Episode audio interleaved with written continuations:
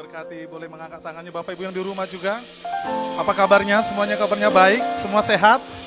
Hari ini hari yang dijadikan Tuhan. Mari kita bersuka cita memuji Tuhan. Yang setuju katakan amin. Mari bersama bangkit berdiri. Kita berikan tepuk tangan sorak-sorai bagi Allah kita. Bisa berikan tepuk tangan sorak-sorai bagi Yesus Tuhan.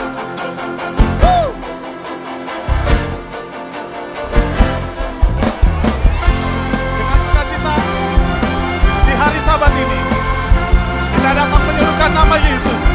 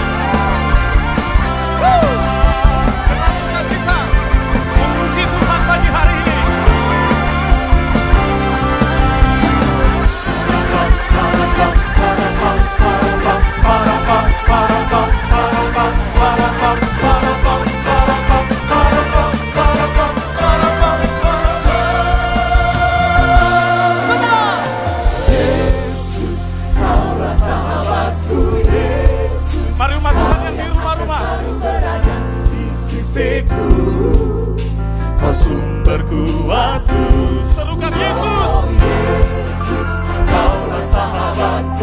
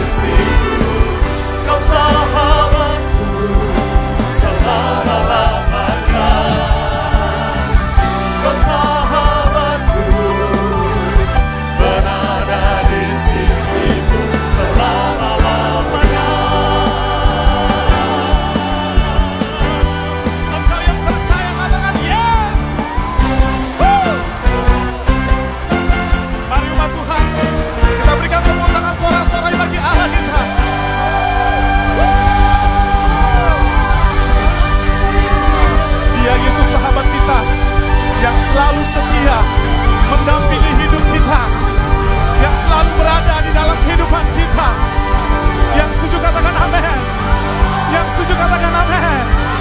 Sekali lagi kita berikan tepuk tangan sorak-sorai bagi Allah. Sorakan haleluya. Terima kasih Tuhan. Engkau hadir di tengah umatmu saat ini. Kami datang membawa korban persembahan kami. Membawa pujian kami ya Tuhan. Tuhan hadir di bait kudusnya. Saat umat mencari wajahnya. Berseru, berdoa, bersujud menyembah Dan menikmati kehadiran.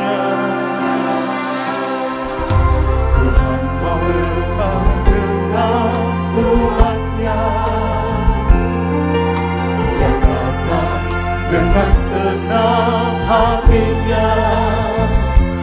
Berseru berdoa bersujud menyembah dan men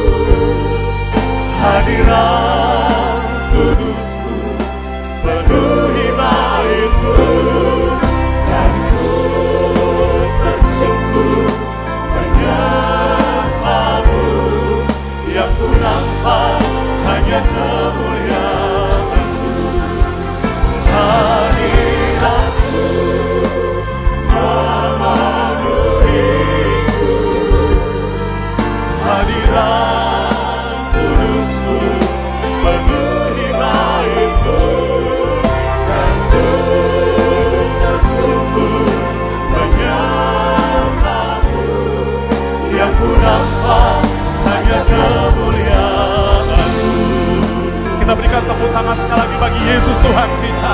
Haleluya. Haleluya. Mari wanita akan pujian ini.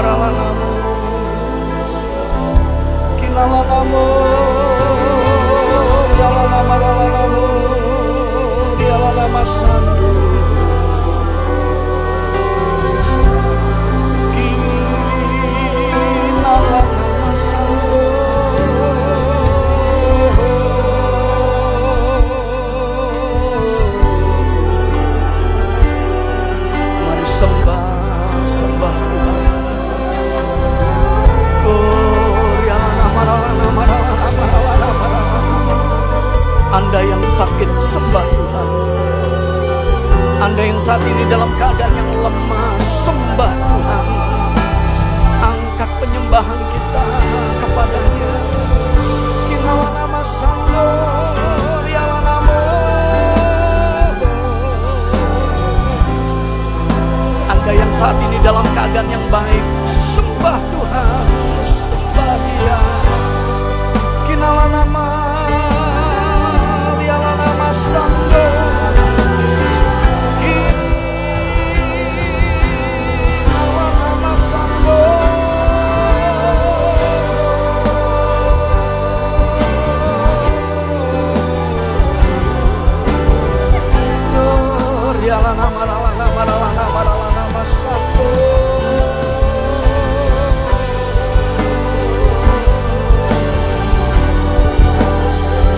baik, Engkau baik ya Tuhan. Engkau ajaib ya Tuhan. Oh, si. Oh.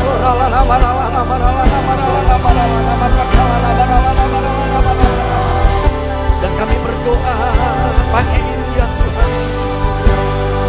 Kami berdoa untuk bangsa dan negeri kami. Kami berdoa untuk Indonesia.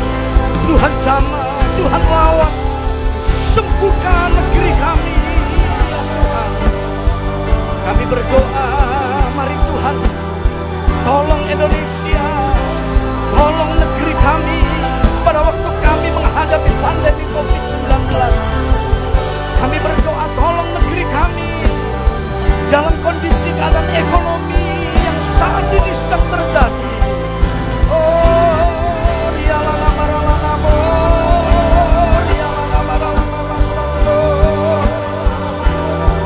Berdoa untuk seluruh masyarakat Indonesia. Tuhan tolong, Tuhan berikan jalan keluar untuk setiap anak-anakmu, untuk setiap penduduk daripada negeri ini. Oh.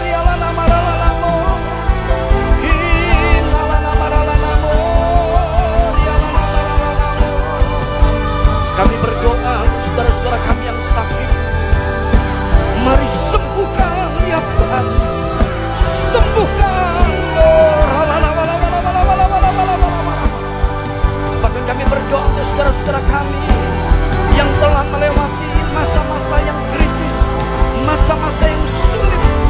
Saat ini sempurnakan ya Tuhan, sempurnakan hingga semuanya menjadi baik, menjadi baik, lebih baik, lebih baik lagi. Oh,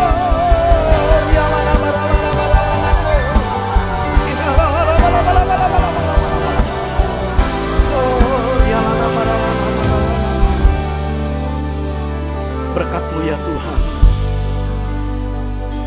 Berkatmu untuk setiap umatmu Mari buka kedua tangan kita.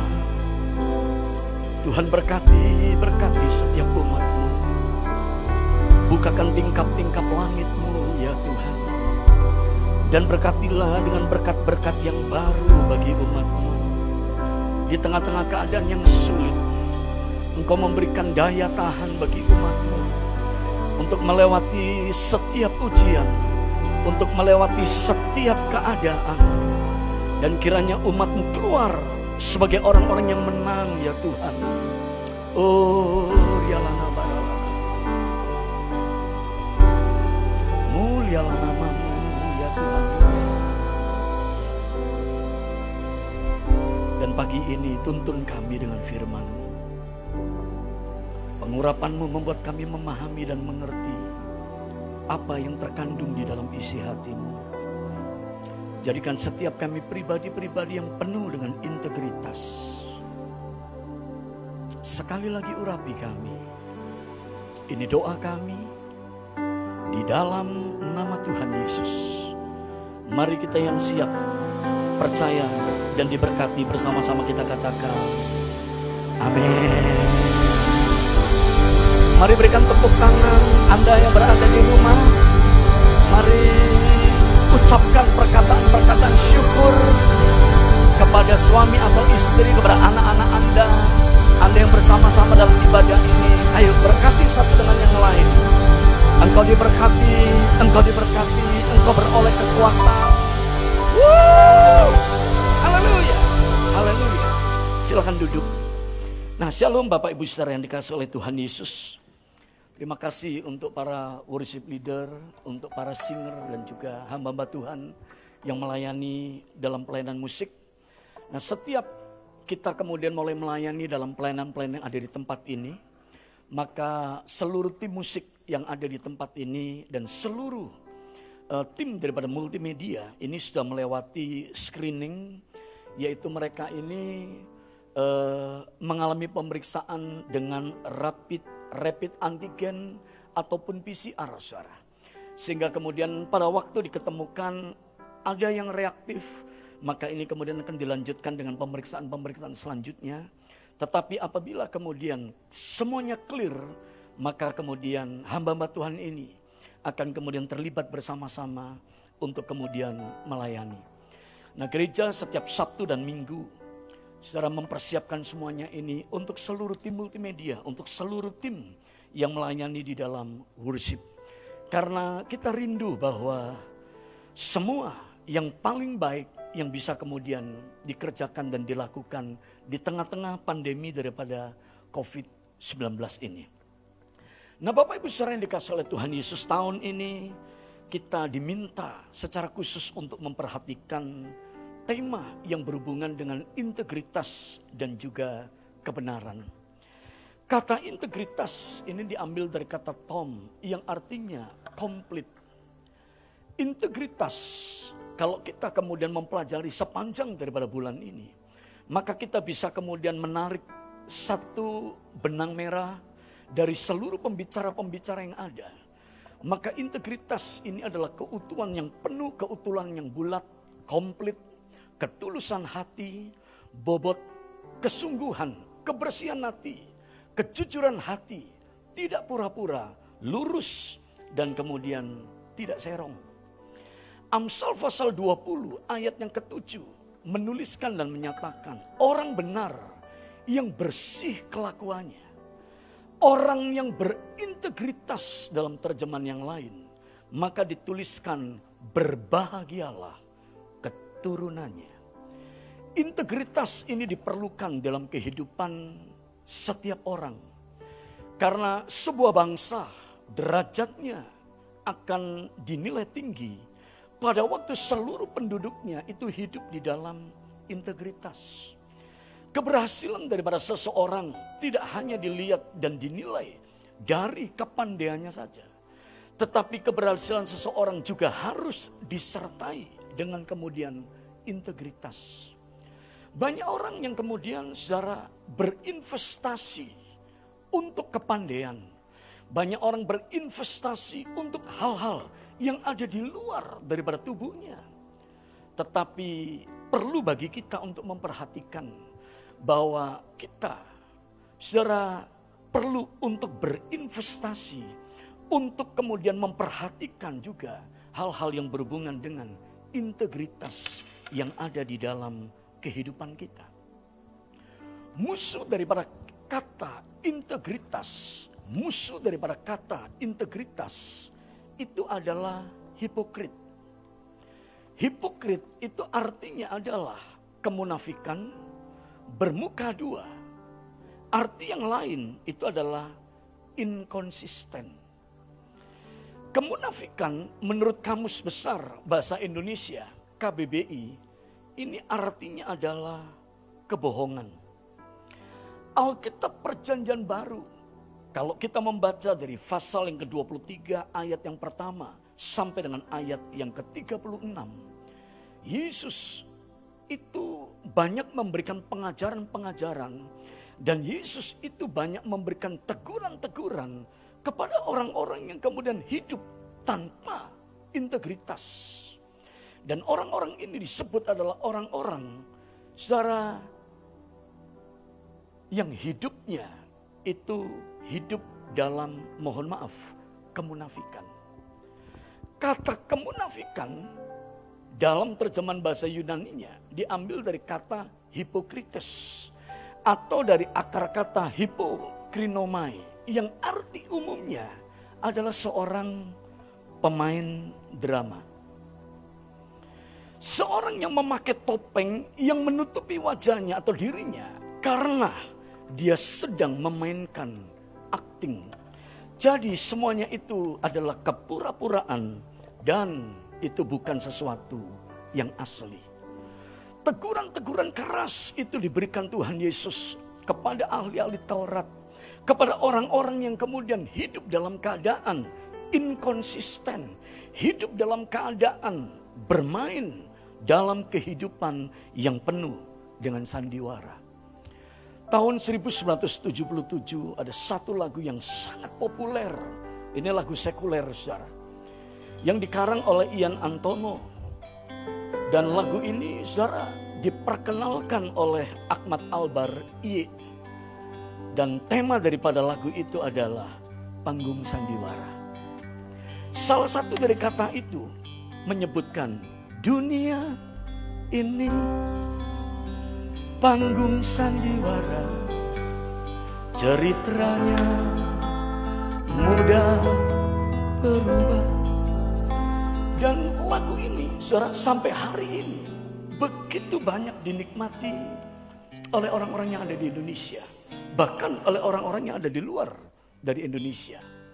Pada waktu konser Java Chief, maka God Bless ini kemudian diundang dan hits daripada lagu ini dinyanyikan kembali. Waktu dinyanyikan, begitu banyak orang kemudian secara ikut menyanyikannya dan tanpa sadar. Sebetulnya inilah wajah daripada kehidupan manusia. Mari kita melihat apa ciri daripada orang yang hidup dalam hipokrit?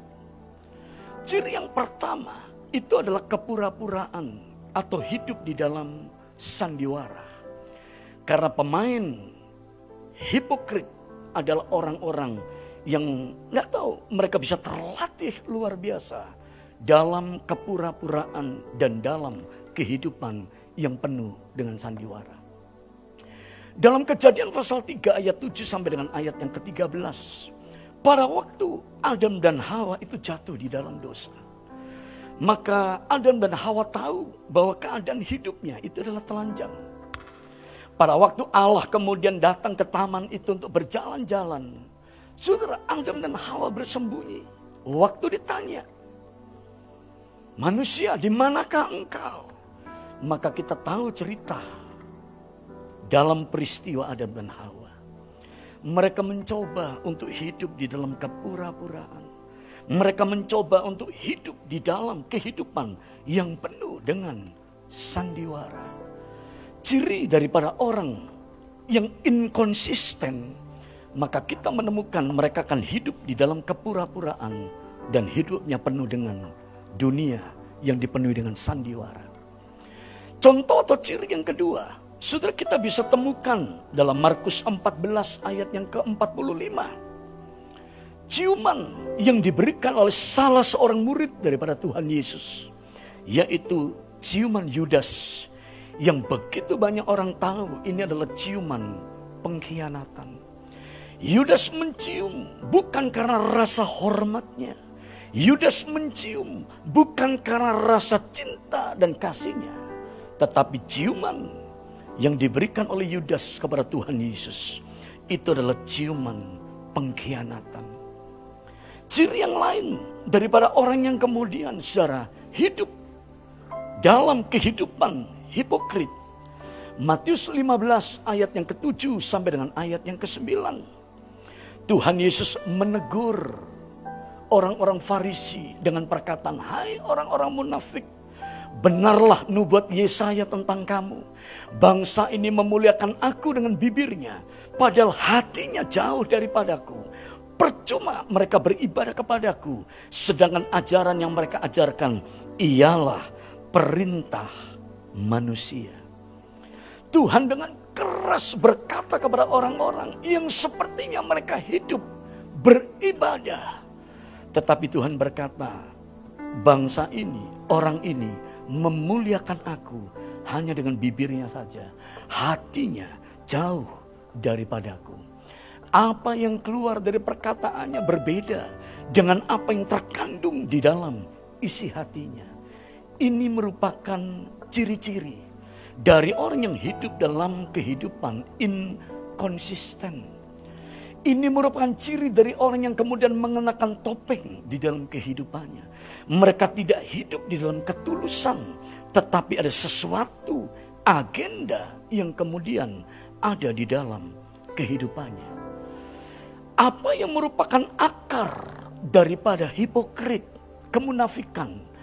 Apa yang merupakan akar ketidak konsistenan.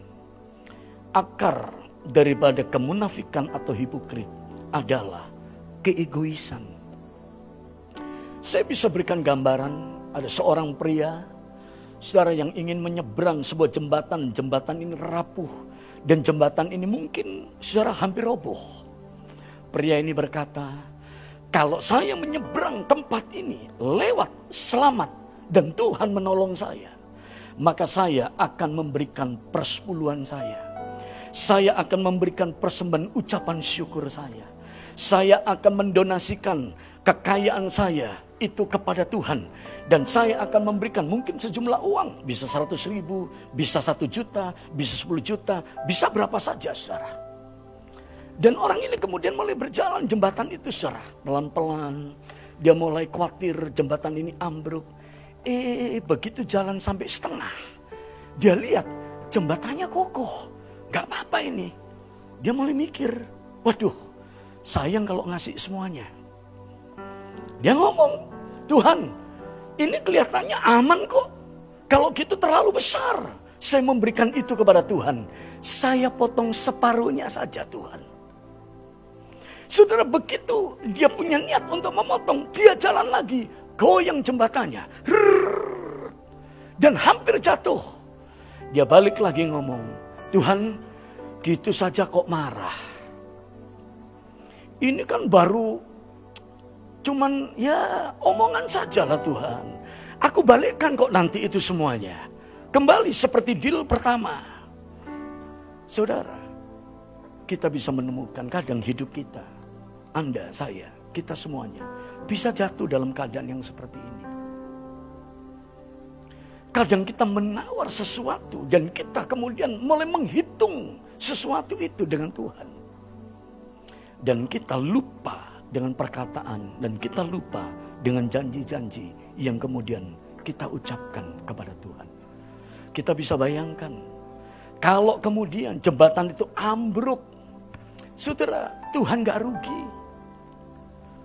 Tuhan mungkin kehilangan berapa uang atau sesuatu yang kemudian mau dipersembahkan orang itu. Tapi orang itu akan kehilangan nyawanya. Kalau dihitung-hitung, loh di pihak Tuhan saudara, ah, kecil. Tapi di pihak kemudian orang yang berjanji itu kemudian kalau dia sampai kemudian ambruk, maka dia akan kehilangan nyawanya. Dia akan kehilangan semua apa yang kemudian dimiliki di dalam kehidupannya. Dalam hidup kita, kita kadang mikir, kita mau yang terbaik dari Tuhan, tetapi kita mau yang terkecil untuk mengembalikannya kepada Tuhan. Kadang kita minta yang paling bagus, paling indah, paling baik. Saya percaya itu adalah doa kita semua. Tetapi kadang kontribusi kita, sesuatu yang kemudian kita bisa berikan kepada Tuhan, itu adalah sesuatu yang mungkin paling kecil di dalam kehidupan kita. Pagi ini, pada waktu kita datang untuk menghadap Tuhan, kita bukan hanya meminta sesuatu yang baik, karena Tuhan tidak menyimpan hal yang buruk. Tuhan menyimpan segala perbendaharaan yang baik, bahkan yang terbaik, yang sudah dipersiapkannya untuk kita.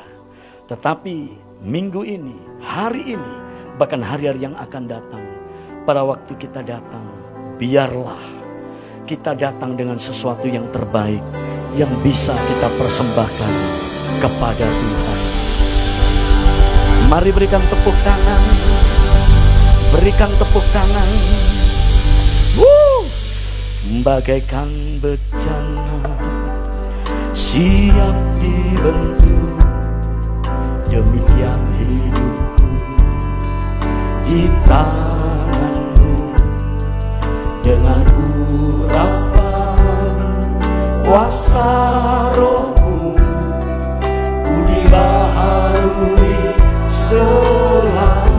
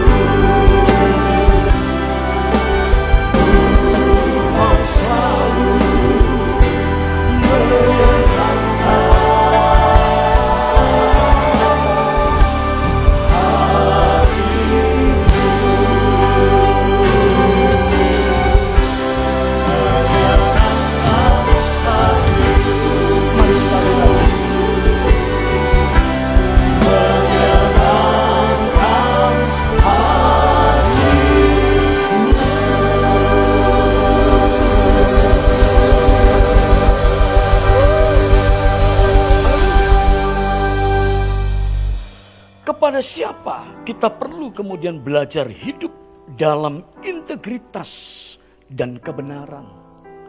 Saudara, Alkitab begitu banyak memberikan contoh untuk kita hidup dalam integritas Kita bisa belajar dari Daud, seorang pemuji penyembah dan seorang raja yang kemudian disertai dan dikenan oleh Tuhan.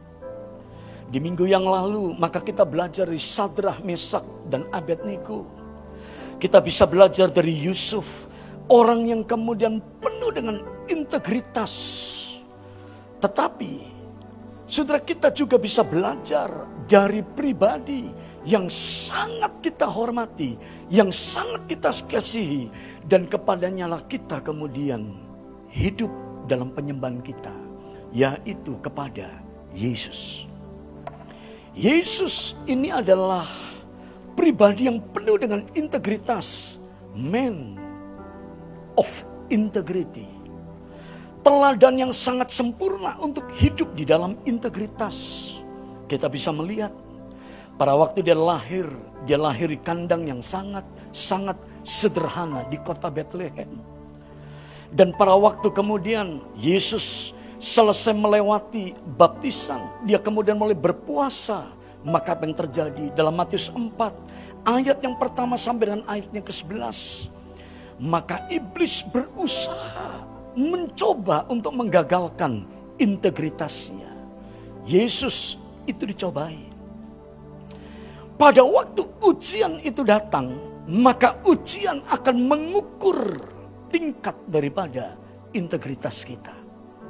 Jujur saudara, dalam hidup kita kadang kita gagal dalam hal itu.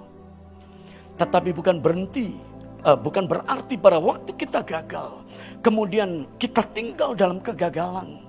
Tapi pada waktu kita kemudian gagal, maka kita kemudian berusaha untuk memperbaiki semuanya sehingga kemudian kita melangkah maju lagi.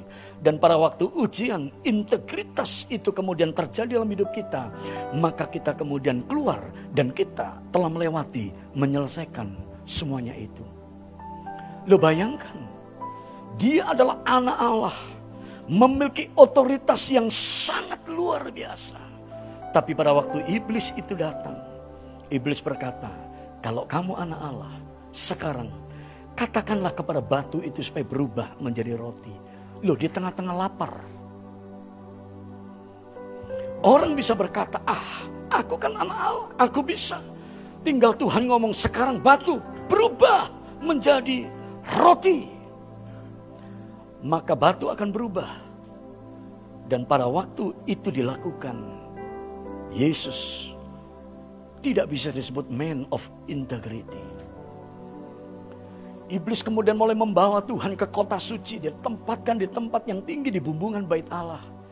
Dan kemudian iblis berkata, sekarang ada tertulis pada waktu engkau jatuh dari tempat ini, malaikat akan dikirim untuk kemudian melindungi engkau, menatang engkau.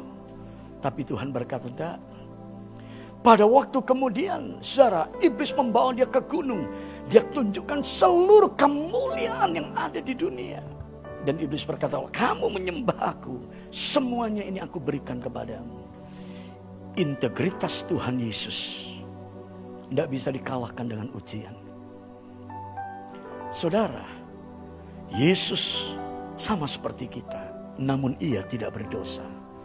Ibrani pasal yang keempat ayat yang ke-15 menuliskan.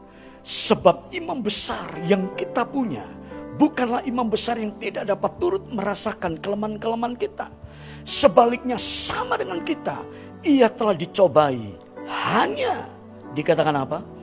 Ia tidak berbuat dosa. Bahkan ia menunjukkan integritasnya.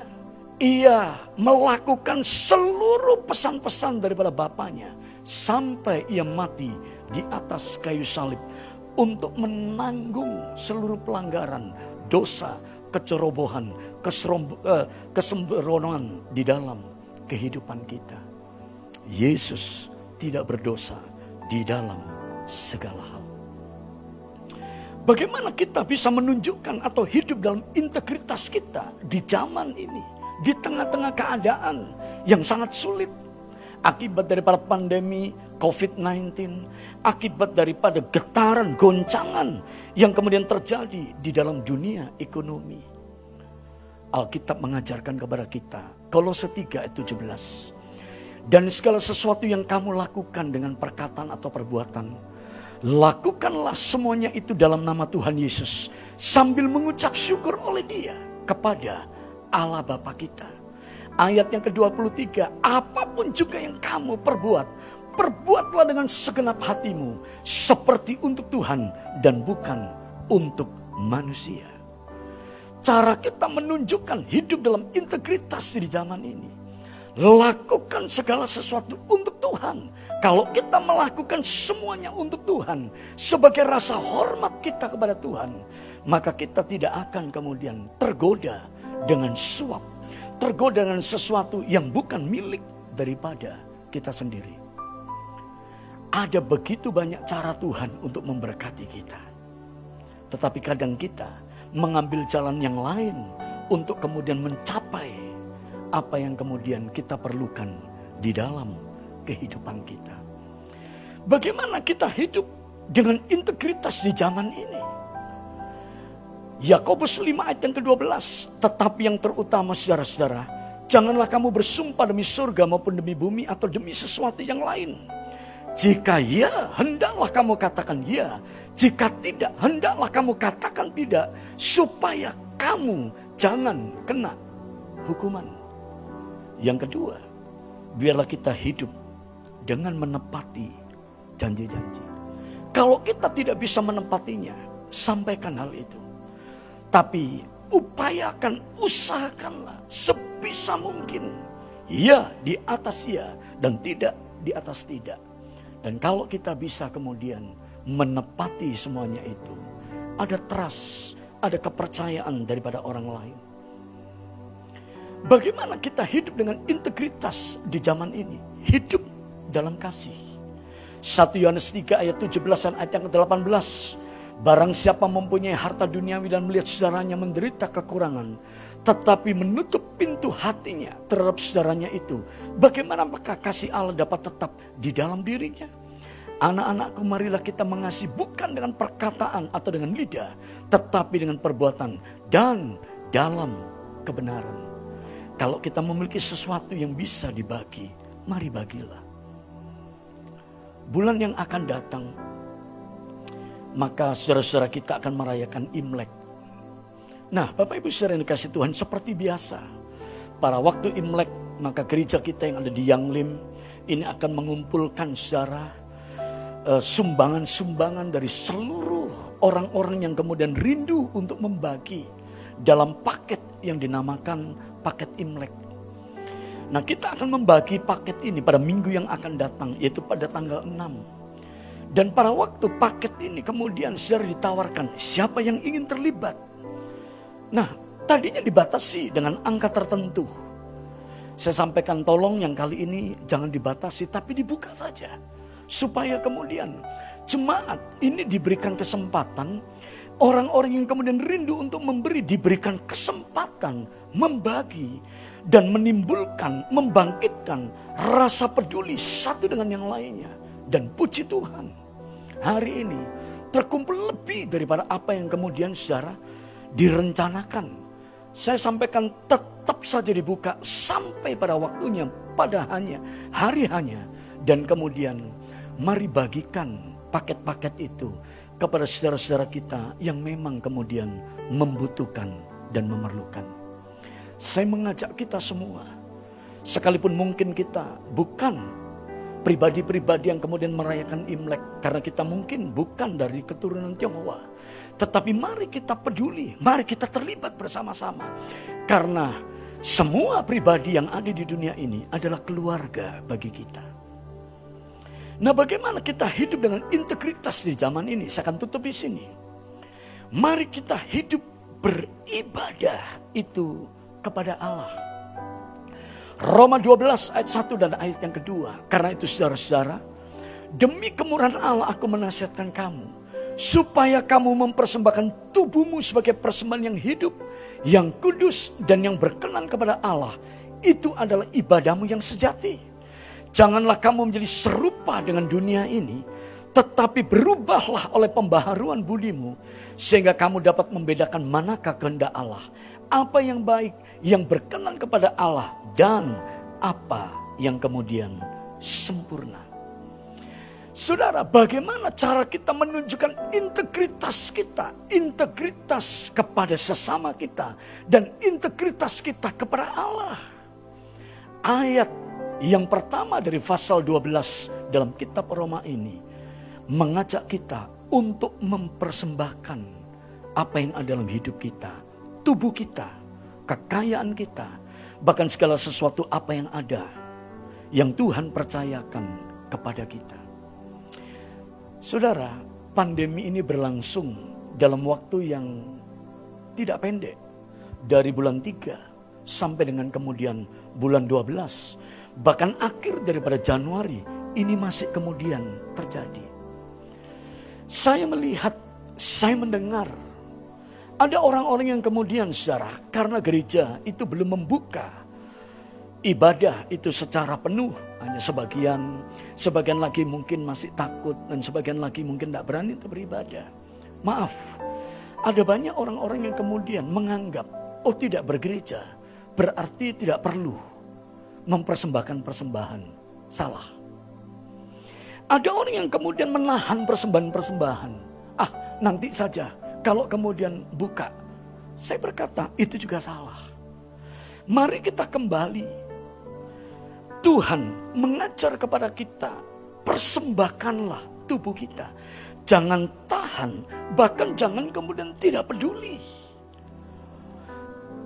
Cara kita menunjukkan integritas kita, yaitu dengan cara kontribusi apa yang bisa kita kemudian berikan kepada sesama kita. Kontribusi apa yang bisa kemudian kita berikan kepada Tuhan. Persembahan janda yang dianggap janda yang miskin.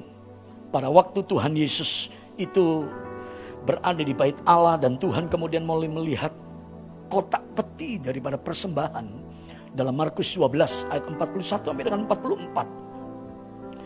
Saudara Tuhan perhatikan ada orang-orang yang memberi dengan kelebihannya. Wah puji Tuhan. Tetapi masuklah seorang janda yang hanya memberikan dua keping. Saudara dari persembahannya. Pada waktu ia kemudian memberi, saudara, semua orang menganggap ah itu biasa, ah itu mungkin ya. Tapi kalau yang gede orang berkata wah, wah, yang kecil ya udah kecil. Tapi pada waktu Tuhan kemudian melihat Tuhan panggil murid-muridnya dan Tuhan bertanya, menurut kamu persembahan siapa yang paling besar? Murid-murid kaget saudara. Apa Tuhan gak tahu? Persembahannya sih itu kan gede, persembahan dia itu gede. Saudara persembahan bukan masalah nilai daripada uangnya. Tetapi persembahan masalahnya adalah apakah kita mau berkontribusi atau kemudian kita tidak ingin untuk berkontribusi. Minggu yang akan datang maka kita akan membawa persembahan secara khusus. Yaitu persembahan yang disebut dengan persembahan buah sulung. Kemarin kita sudah mendengar bukan keseluruhan dari berkat yang diberikan Tuhan kepada kita.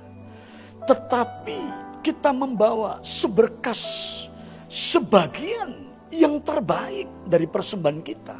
Dan minggu depan dalam ibadah kita akan bersama-sama Anda yang di rumah juga Anda bisa kemudian memberikan dan membawa persembahan dengan cara yang sekarang ini secara bisa dilakukan di mana pun kita berada. Yaitu dengan persembahan-persembahan digital. Dengan persembahan-persembahan secara kemudian transfer. Tetapi kita yang berada di tempat ini yang kemudian bisa beribadah bersama-sama. Mari kita kemudian minggu yang akan datang bersama-sama mempersiapkan persembahan buah sulung kita. Persembahan buah sulung adalah persembahan unjukan yang kita unjuk, yang kita kemudian sampaikan kepada Tuhan dengan pengakuan petisi. Dengan perkataan bahwa seluruh berkat yang kami peroleh, kekuatan yang ada dalam kehidupan kami, itu bukan berasal dari apa yang ada dalam hidup kami, tetapi semuanya itu berasal dari pada Tuhan. Dan bersama-sama kita kemudian akan datang dengan rasa hormat kita, dengan kemudian rasa cinta dan kasih kita kepada Tuhan. Anda yang kemudian tidak memperhatikan lagi persepuluhan, mari saudara kita kembali. Karena persepuluhan itu adalah menunjukkan hati kita, yaitu kita mau balik kepada Tuhan. Integritas kita kepada Tuhan itu bisa dibuktikan dan dilihat dari hal-hal yang seperti itu. Gereja di tengah-tengah keadaan secara yang menurut begitu banyak orang sulit dan di tengah-tengah keadaan yang goncang, apakah kita berhenti untuk kemudian membangun? Tidak. Batam sudah dibeli dan kemudian kita akan kemudian membayar. Kita memerlukan dana dan kalau kita kemudian rindu untuk berkontribusi, rindu untuk terlibat, mari kita kemudian bersama-sama. Gembala pembina kita sudah memulainya berkontribusi dan kita semua para hamba-hamba Tuhan, Anda yang ada cabang-cabang, Anda yang sudah kemudian memiliki gereja secara permanen, waktu Anda dulu mendapatkannya, hal yang sama dilakukan oleh orang lain untuk Anda. Ada orang yang berkontribusi dan sekarang waktu kita mendengar ada gereja yang akan dibeli, mari kita juga kemudian ikut dan terlibat berkontribusi bersama-sama. Karena waktu kita unity, kita bersama-sama, kita memiliki integritas. Tuhan itu akan disukakan dalam kehidupan kita. Katakan amin. Berikan tepuk tangan. Haleluya. Nah, pembangunan di tempat ini masih berlanjut. Sekarang lapangan basket yang ada di sisi kiri saya bagian ujung sudah bisa digunakan. Lapangan voli juga bisa dipakai. Kemudian lapangan futsal juga sudah bisa dipakai. Saya mengajak anak-anak muda untuk kemudian kita bersama-sama. Mari kita gunakan seluruh fasilitas yang ada di gereja ini untuk kemudian memperlengkapi kehidupan kita. Karena gereja ini sudah tidak hanya dipakai hanya untuk kemudian menyiapkan pribadi-pribadi orang untuk beribadah. Tetapi gereja ini dipersiapkan juga untuk membangun. Saya berdoa dengan lapangan-lapangan yang ada, maka muncul anak-anak muda yang sehat, anak-anak muda yang kemudian memiliki kualitas yang baik, anak-anak muda yang kemudian menjadi unggul pada waktu-waktu yang akan datang. Inilah pelayanan. Mari bersama-sama di tengah-tengah keadaan yang seperti ini. Kita berintegritas kepada Tuhan dan juga kepada sesama. Mari kita bangkit berdiri. Ku mau sepertimu Yesus disempurnakan selalu dalam segenap jalanku memuliakan namamu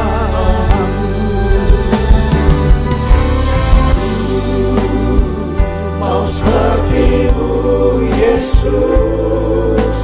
Disempurnakan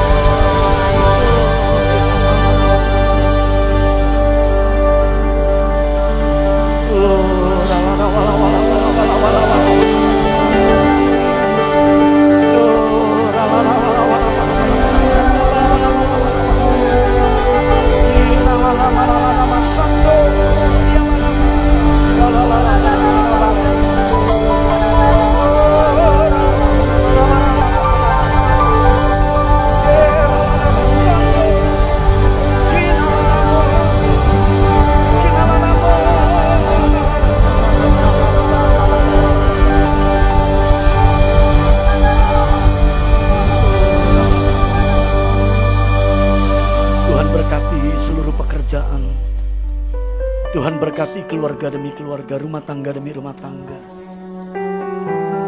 Yang terbaik yang berasal dari Tuhan kiranya datang dan melawat setiap kehidupan kami. Kami berdoa ya Tuhan, Engkau memberikan keharmonisan bagi setiap rumah tangga demi rumah tangga. Kami berdoa ya Tuhan, Berkati setiap usaha yang kami kerjakan.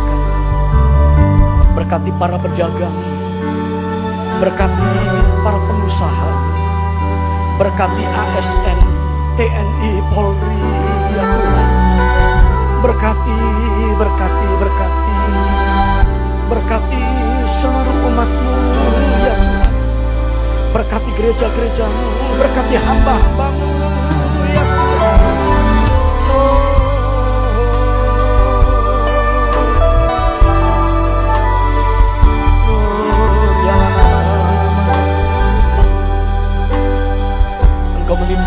dan menjagai setiap kehidupan kami. Engkau memberikan kreativitas dalam kehidupan kami. Sehingga di tengah-tengah perubahan dunia, maka kami tidak tertinggal, tetapi kami akan maju, maju, maju. Karena Tuhan yang menuntun langkah kehidupan kami. Berkati dunia pendidikan. Oh, ya lana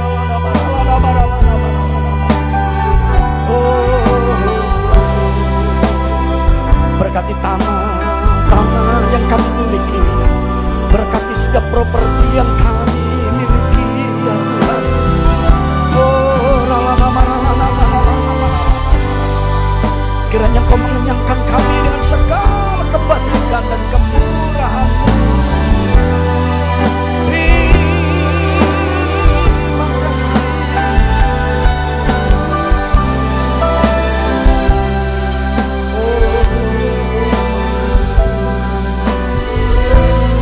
sebentar kami akan berpisah dengan yang lain. Bahkan kami boleh melanjutkan aktivitas kami. Kami yang ada di rumah-rumah kami. Kami boleh melanjutkan dan menikmati waktu-waktu yang ada. Mari Tuhan sertai kami dengan berkat-Mu. Sekali lagi buka kedua tangan kita. Bapak Ibu saudara yang dikasih oleh Tuhan Yesus. Terimalah berkat anugerah rahmat daripada Allah Bapa.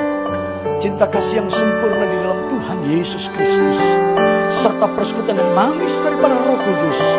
Kiranya menyertai perjalanan, pekerjaan, kehidupan, pelayanan. Bapak Ibu saudara saat ini sampai selama-lamanya. Yang percaya dan berkati bersama-sama kita katakan. Amin. Selamat hari Minggu, tetap kuat, sehat, dan menyongsong penuhan yang besar. Tuhan memberkati berlimpah-limpah. Bagi Bapak Ibu yang mau mengetahui seluruh kegiatan gereja dapat mengakses dan menyaksikannya di seluruh media sosial keluarga besar GBI Medan Pelajar. Selamat hari Minggu, tetap jaga kesehatan. Tuhan Yesus memberkati. Shalom. Yesus sahabat kita yang setia. Yang percaya katakan amin. Kiranya Tuhan yang memberkati Bapak Ibu ada Percayalah, dia Tuhan yang senantiasa berada bersama setiap kita. Woo!